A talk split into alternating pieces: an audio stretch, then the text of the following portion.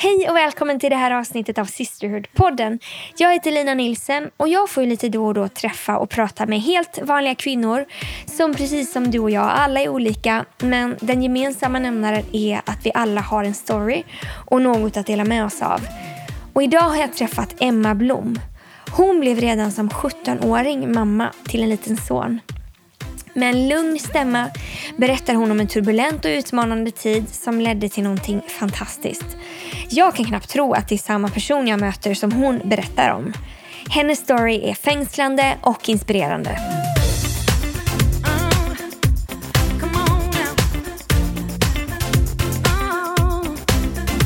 Då får jag sitta och prata idag med Emma. Eh, Emma Blom, tack för att du är med på Sisterhood-podden. Tack för att jag får vara med. Eh, var bor du någonstans ungefär? I Sigtuna. Ja, och det ligger norr om Stockholm. Precis. Mm. Hur ser din familj ut? Det är jag, min man Stefan. Eh, sen har vi Jona, 11 år. Enja, 7 år och Jesaja, 3. Mm. Ja, wow, bra. Och två katter. Två katter? Ja. ja. de behöver ju också. ja, de, de är ju familjen. Så. Ja. Är de utomhus eller inomhus? Eh, både och. Ja, Mm. okej. Grymt. Vad gör du eh, på dagarna? Eh, jag jobbar på en eh, gruppbostad i Sigtuna som vi startade upp nu i april inom LSS. Unga vuxna som har olika funktionsnedsättningar. Ah, wow, Mm. vad bra. Ja, Men du, vad gör du när... Har du någon tid för dig själv någonsin?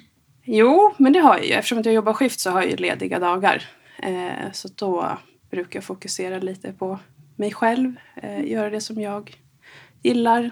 Träffa kompisar, gå och fikar, shoppar ibland, Mm. städar. Det måste. ja, måste. Men Mm. städa själv är ju rätt skönt ibland. Ja, men det bara är får vara det. Jättehög musik och sen är det bara att köra. Mm. Bra. Det är första tipset i Ja. dagens Sisterhood-podd. Eh, Men du är ju rätt... Du måste vara rätt ung. Hur gammal är du? 29 är jag. Ja. Ja. Och din äldsta son var... Han är 11, Mm. fyller 12 i mars. Mm. Så då var du en väldigt ung mamma. Ja, jag var 17 när han föddes. Mm. Vill du berätta hur det var? Ja, eh, det, det, först blev det ju en chock eh, såklart.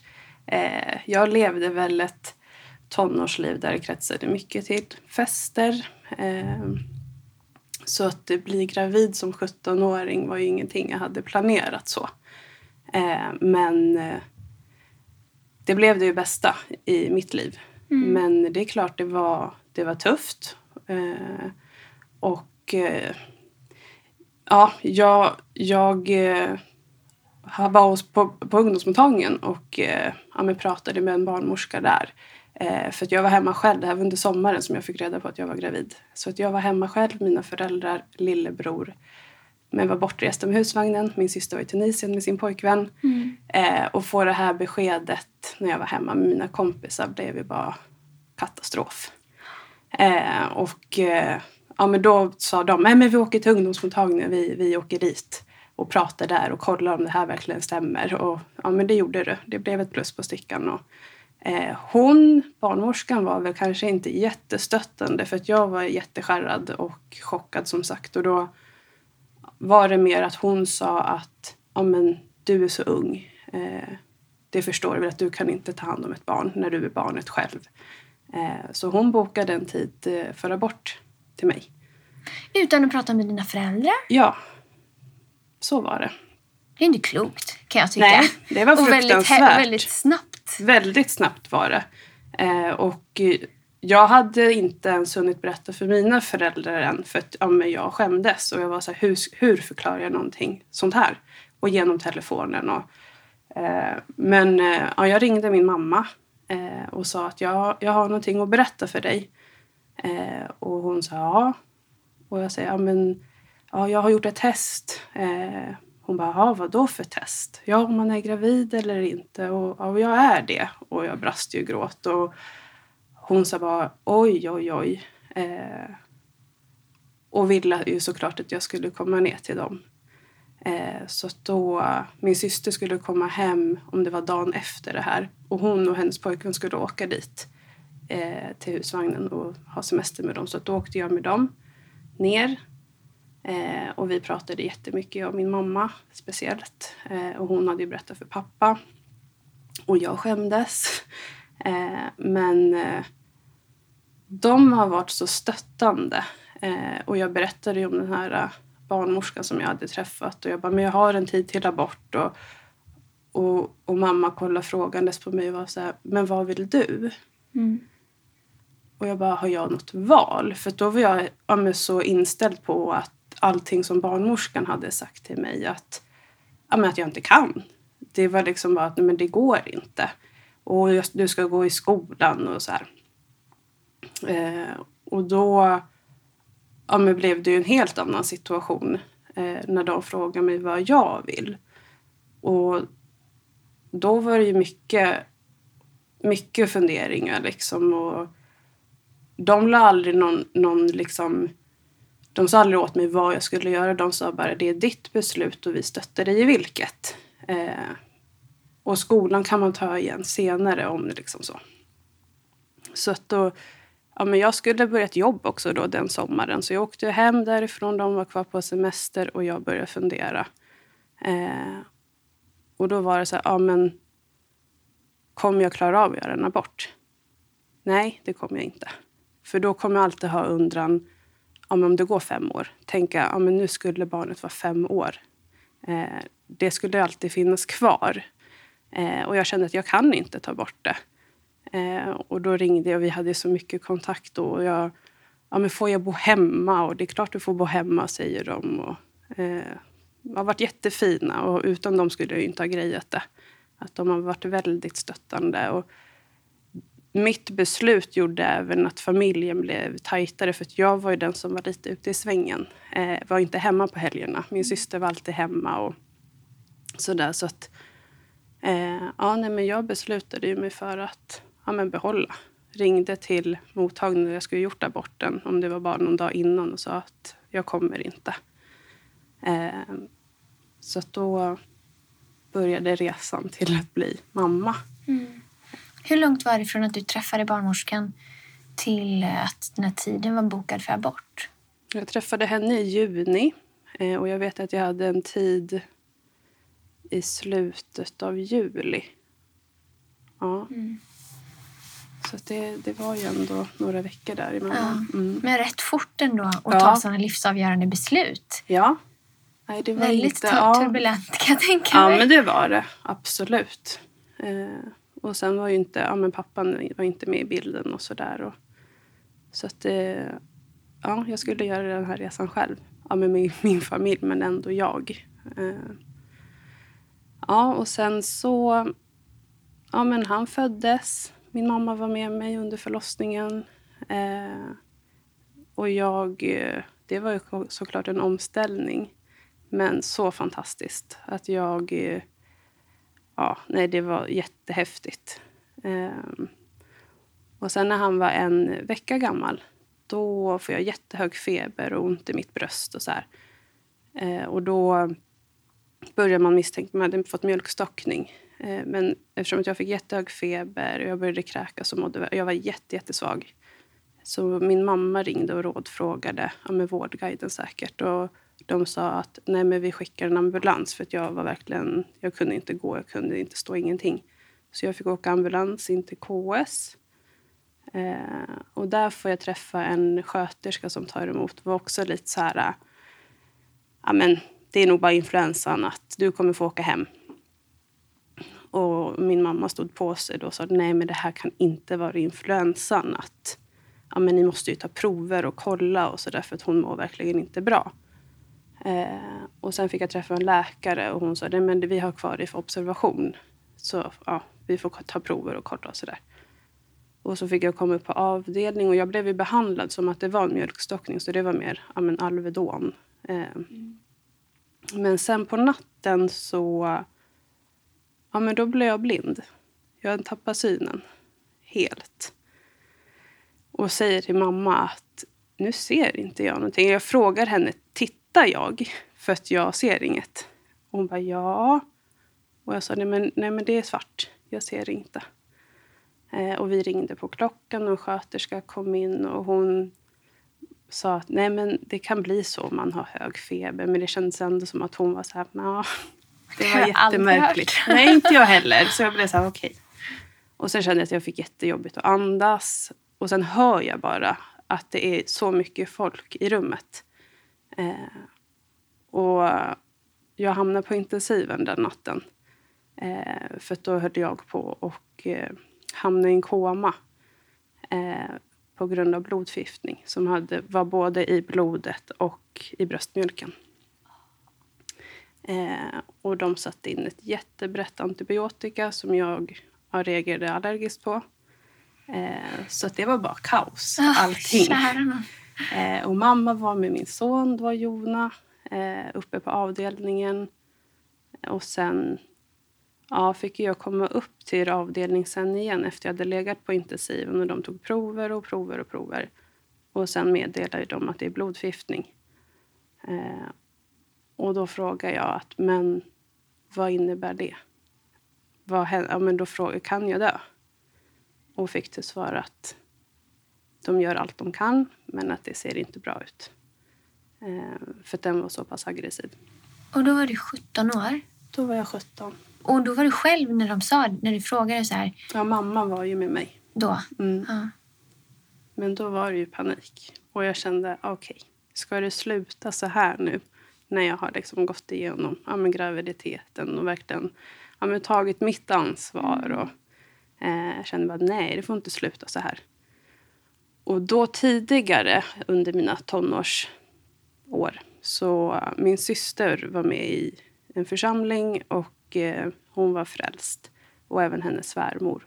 Så de hade tagit med mig till kyrkan eller frågat men ska du inte följa med och även min mamma. Eh, och jag brukade följa med men brukade lämna alla möten för att det där var ingenting för mig. Eh, men sen under tiden jag var gravid då brukade jag också följa med men då var det lite mer så här, ja men, det, ja, men jag kan följa med men jag vill inte visa dem att jag ändå tyckte att det var lite trevligt. Eh, men då när jag låg där och hade fått ja, men en dödsdom över mig då kände jag så här, nej.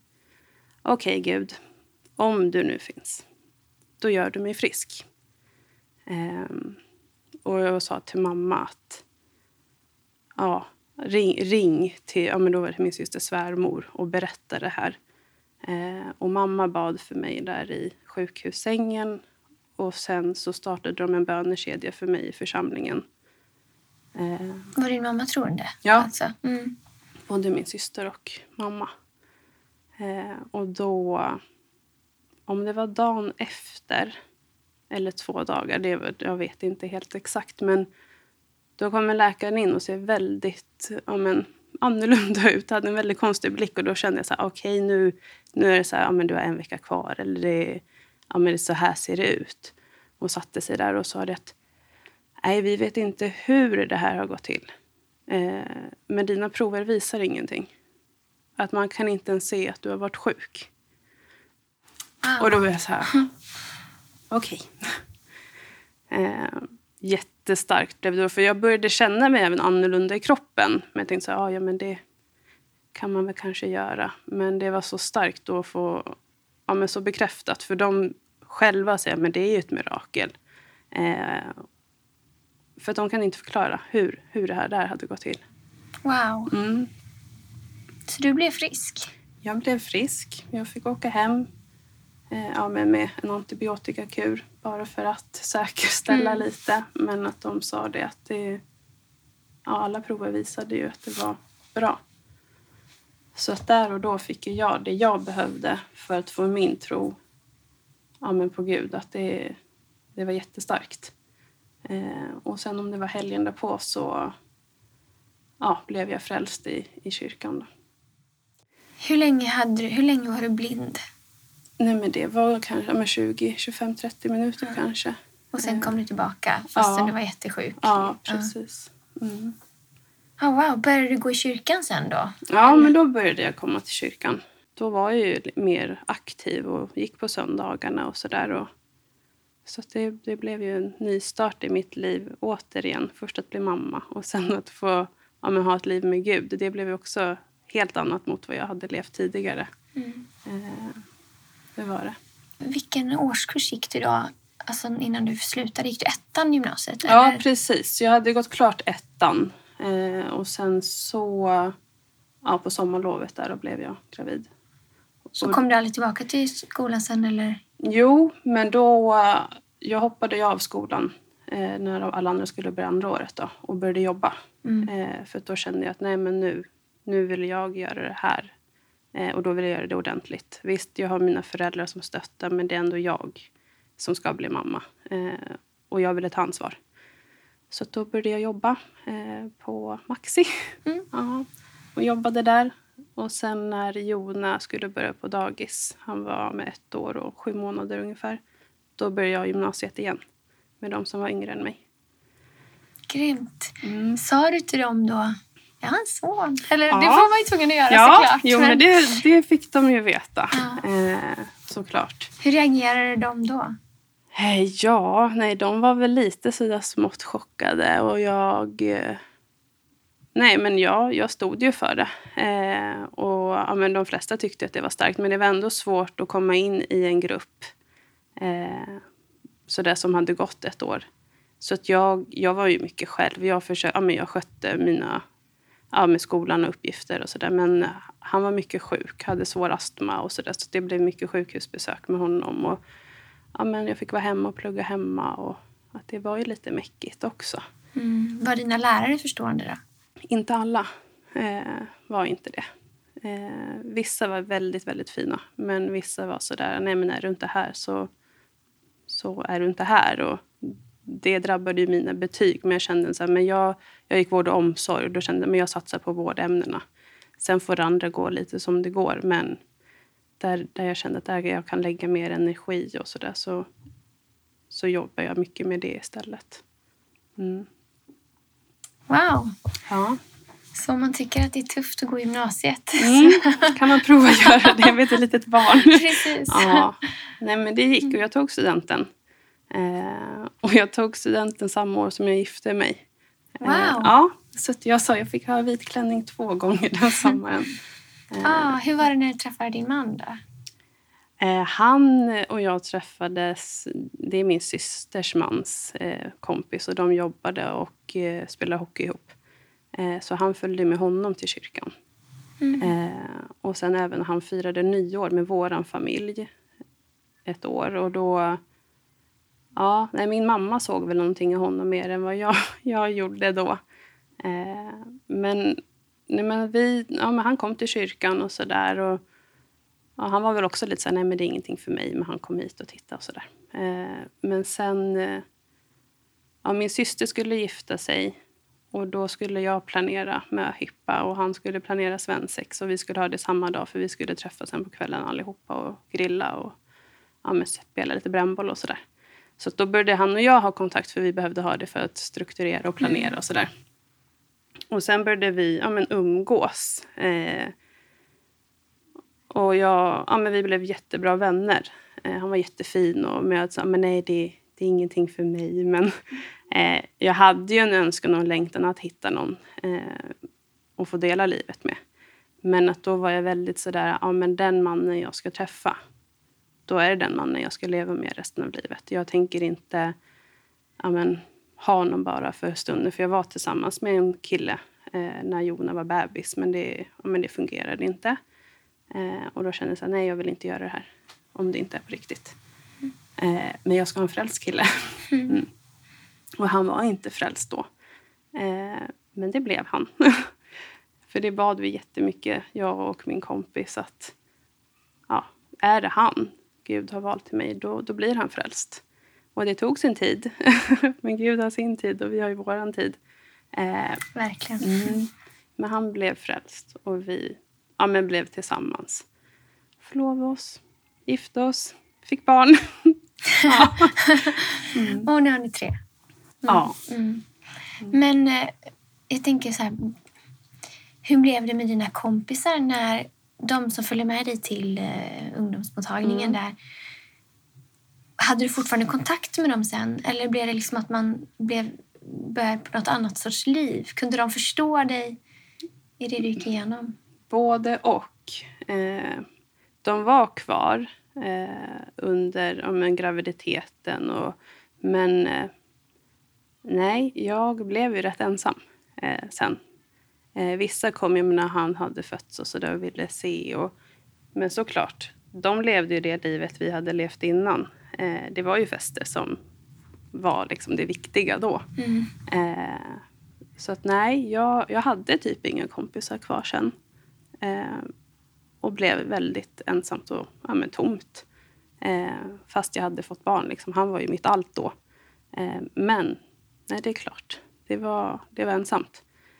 Eh, men då träffade jag andra kompisar. Det var min BVC, BVC-sköterska som tussade ihop mig med en tjej som vi bodde grannar, eller hon bodde på gården bredvid nästan och vi visste ju inte om varandra. Men hon, ja, hon var ett år yngre än mig så hon var 16.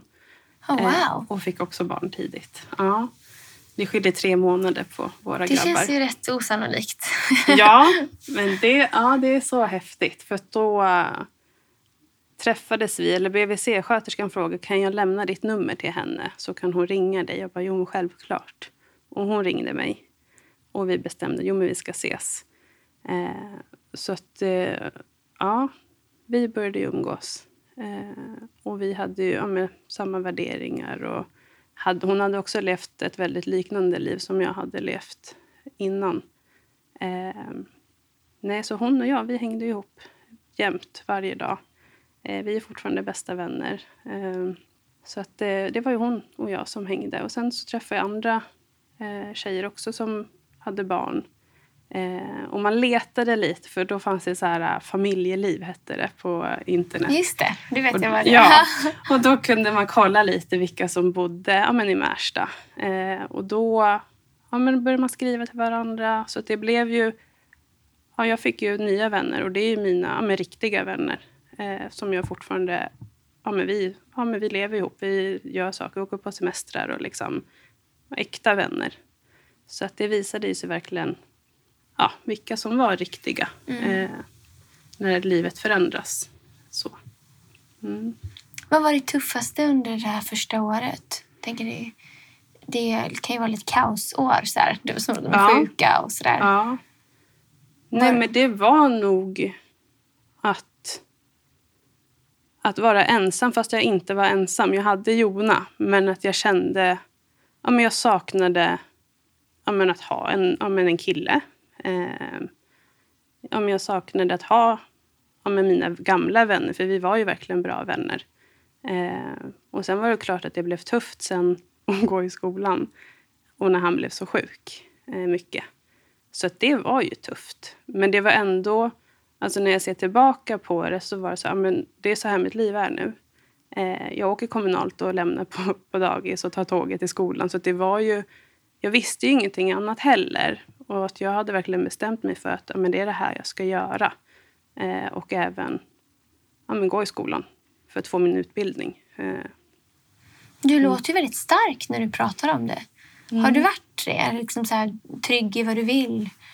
Eller är det bara i efterhand som det låter bra?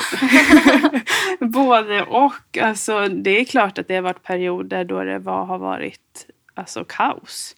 Eh, att det, det har varit jättejobbigt och jag har ju tvivlat. Och, ja, men så tror jag alla mammor känner att är man tillräcklig. Och liksom, eh, men men eh, ja, som sagt, jag visste ingenting annat. Och jag tror att det var bra att jag fick barn när jag var 17. För då var det lite så här, "Ah, ja, men han får hänga med mig. Vill jag åka till stan? Alltså jag, nu skulle jag ju tänka, jag tänker på ett annat, annorlunda sätt nu när jag är äldre och har fått mina andra barn. Eh, att då var det bara självklart att nej, men jag tar med honom dit och vi kan åka dit. Och, eh, och det var min mamma och pappa som sa sen att men vill du inte träffa någon kompis själv? Att vi, vi kan vara barnvakt. Och jag bara, ja men just det. Att, ja, det var, men det var bara självklart att han skulle med mig överallt. Eh, så det var ju de som stöttade och sa, men åk iväg och gör något själv också. Mm. Om du kunde ge ett råd till dig själv, Mm. då då? Hur många år sedan är det sa du? 11, 12? Ja, Vad skulle du säga till dig själv då? Ja. ja men att jag ska ja, men lita på mig själv mer eh, och mina känslor och inte egentligen lyssna på vad alla andra säger och tycker och tänker. Och... För det var ju många runt ja, men i omgivningen som talade emot det här, att jag skulle behålla. Eh, inte bara barnmorskan. Eh, så att, och det påverkade också. Eh, och att jag tvekade. Men, men att ja, jag litade på mig själv. Eh, och att, om jag säger att du är starkare än vad du tror. Men det kommer bli tufft. Men att du kommer komma igenom det. Mm. Har du någonsin ångrat att du behöll honom? Aldrig. Aldrig någonsin. Inte ens när det var tufft? Nej. För att han, han gav mig så himla mycket. Och jag har sagt det många gånger att jag vet på riktigt inte vart jag skulle ha varit idag om han inte hade kommit. Eh, eftersom att jag var ute i svängen sådär och ja, festade mycket. Eh, så vet jag inte. Jag hade ju inte, jag hade inte suttit här idag. Nej. Nej. Wow. Mm. Nej, så han, han var ju också lite av min räddning. Mm. Att komma ifrån eländet. Mm, en gåva. Ja, men verkligen. Vad har du lärt dig då? Att allt går bara man sätter ja, sin vilja till. Eh, och man klarar mycket mer än vad man tror. Mm. Ja. Wow. Vad har du lärt dig om Gud? Att han alltid finns där. Eh, trofast. Eh, att jag alltid kan vända mig till honom. Eh, fast jag känner mig pytteliten och ynklig. Och, så lyfter han upp mig. Eh, och får mig att ja, men känna mig trygg i mig själv och i min roll som mamma. Eh, nej, han har verkligen funnits där, alltid. Fast jag inte alltid har trott det. Så kan man se i efterhand nu att jo, men han fanns ju där, även då när det inte kändes så i mig. Mm. Vilken fantastisk story. Mm. Tack för att du delade med oss Ja. idag. Tack. Det är så inspirerande. Tack för att jag fick vara med. Emma visar på ett otroligt mod där hon vågade välja det hon trodde var rätt och inte det alla andra runt omkring henne tyckte att hon skulle göra. Det är också fantastiskt att det som andra såg som ett misstag i själva verket var en gåva till Emma som ledde henne till ett hälsosamt liv. Tänk om en del saker som vi ser som motgångar i själva verket är gåvor som får oss att utvecklas och växa och se mer. Emmas berättelse bekräftar också det jag har sett gång på gång. Att oavsett situation kan Gud göra allting bra. Det spelar ingen roll vad man är med om, det är aldrig kört eller för sent. Vi kan, oavsett utgångsläge, redan idag börja lyssna in Gud och låta honom leda oss steg för steg in i framtiden.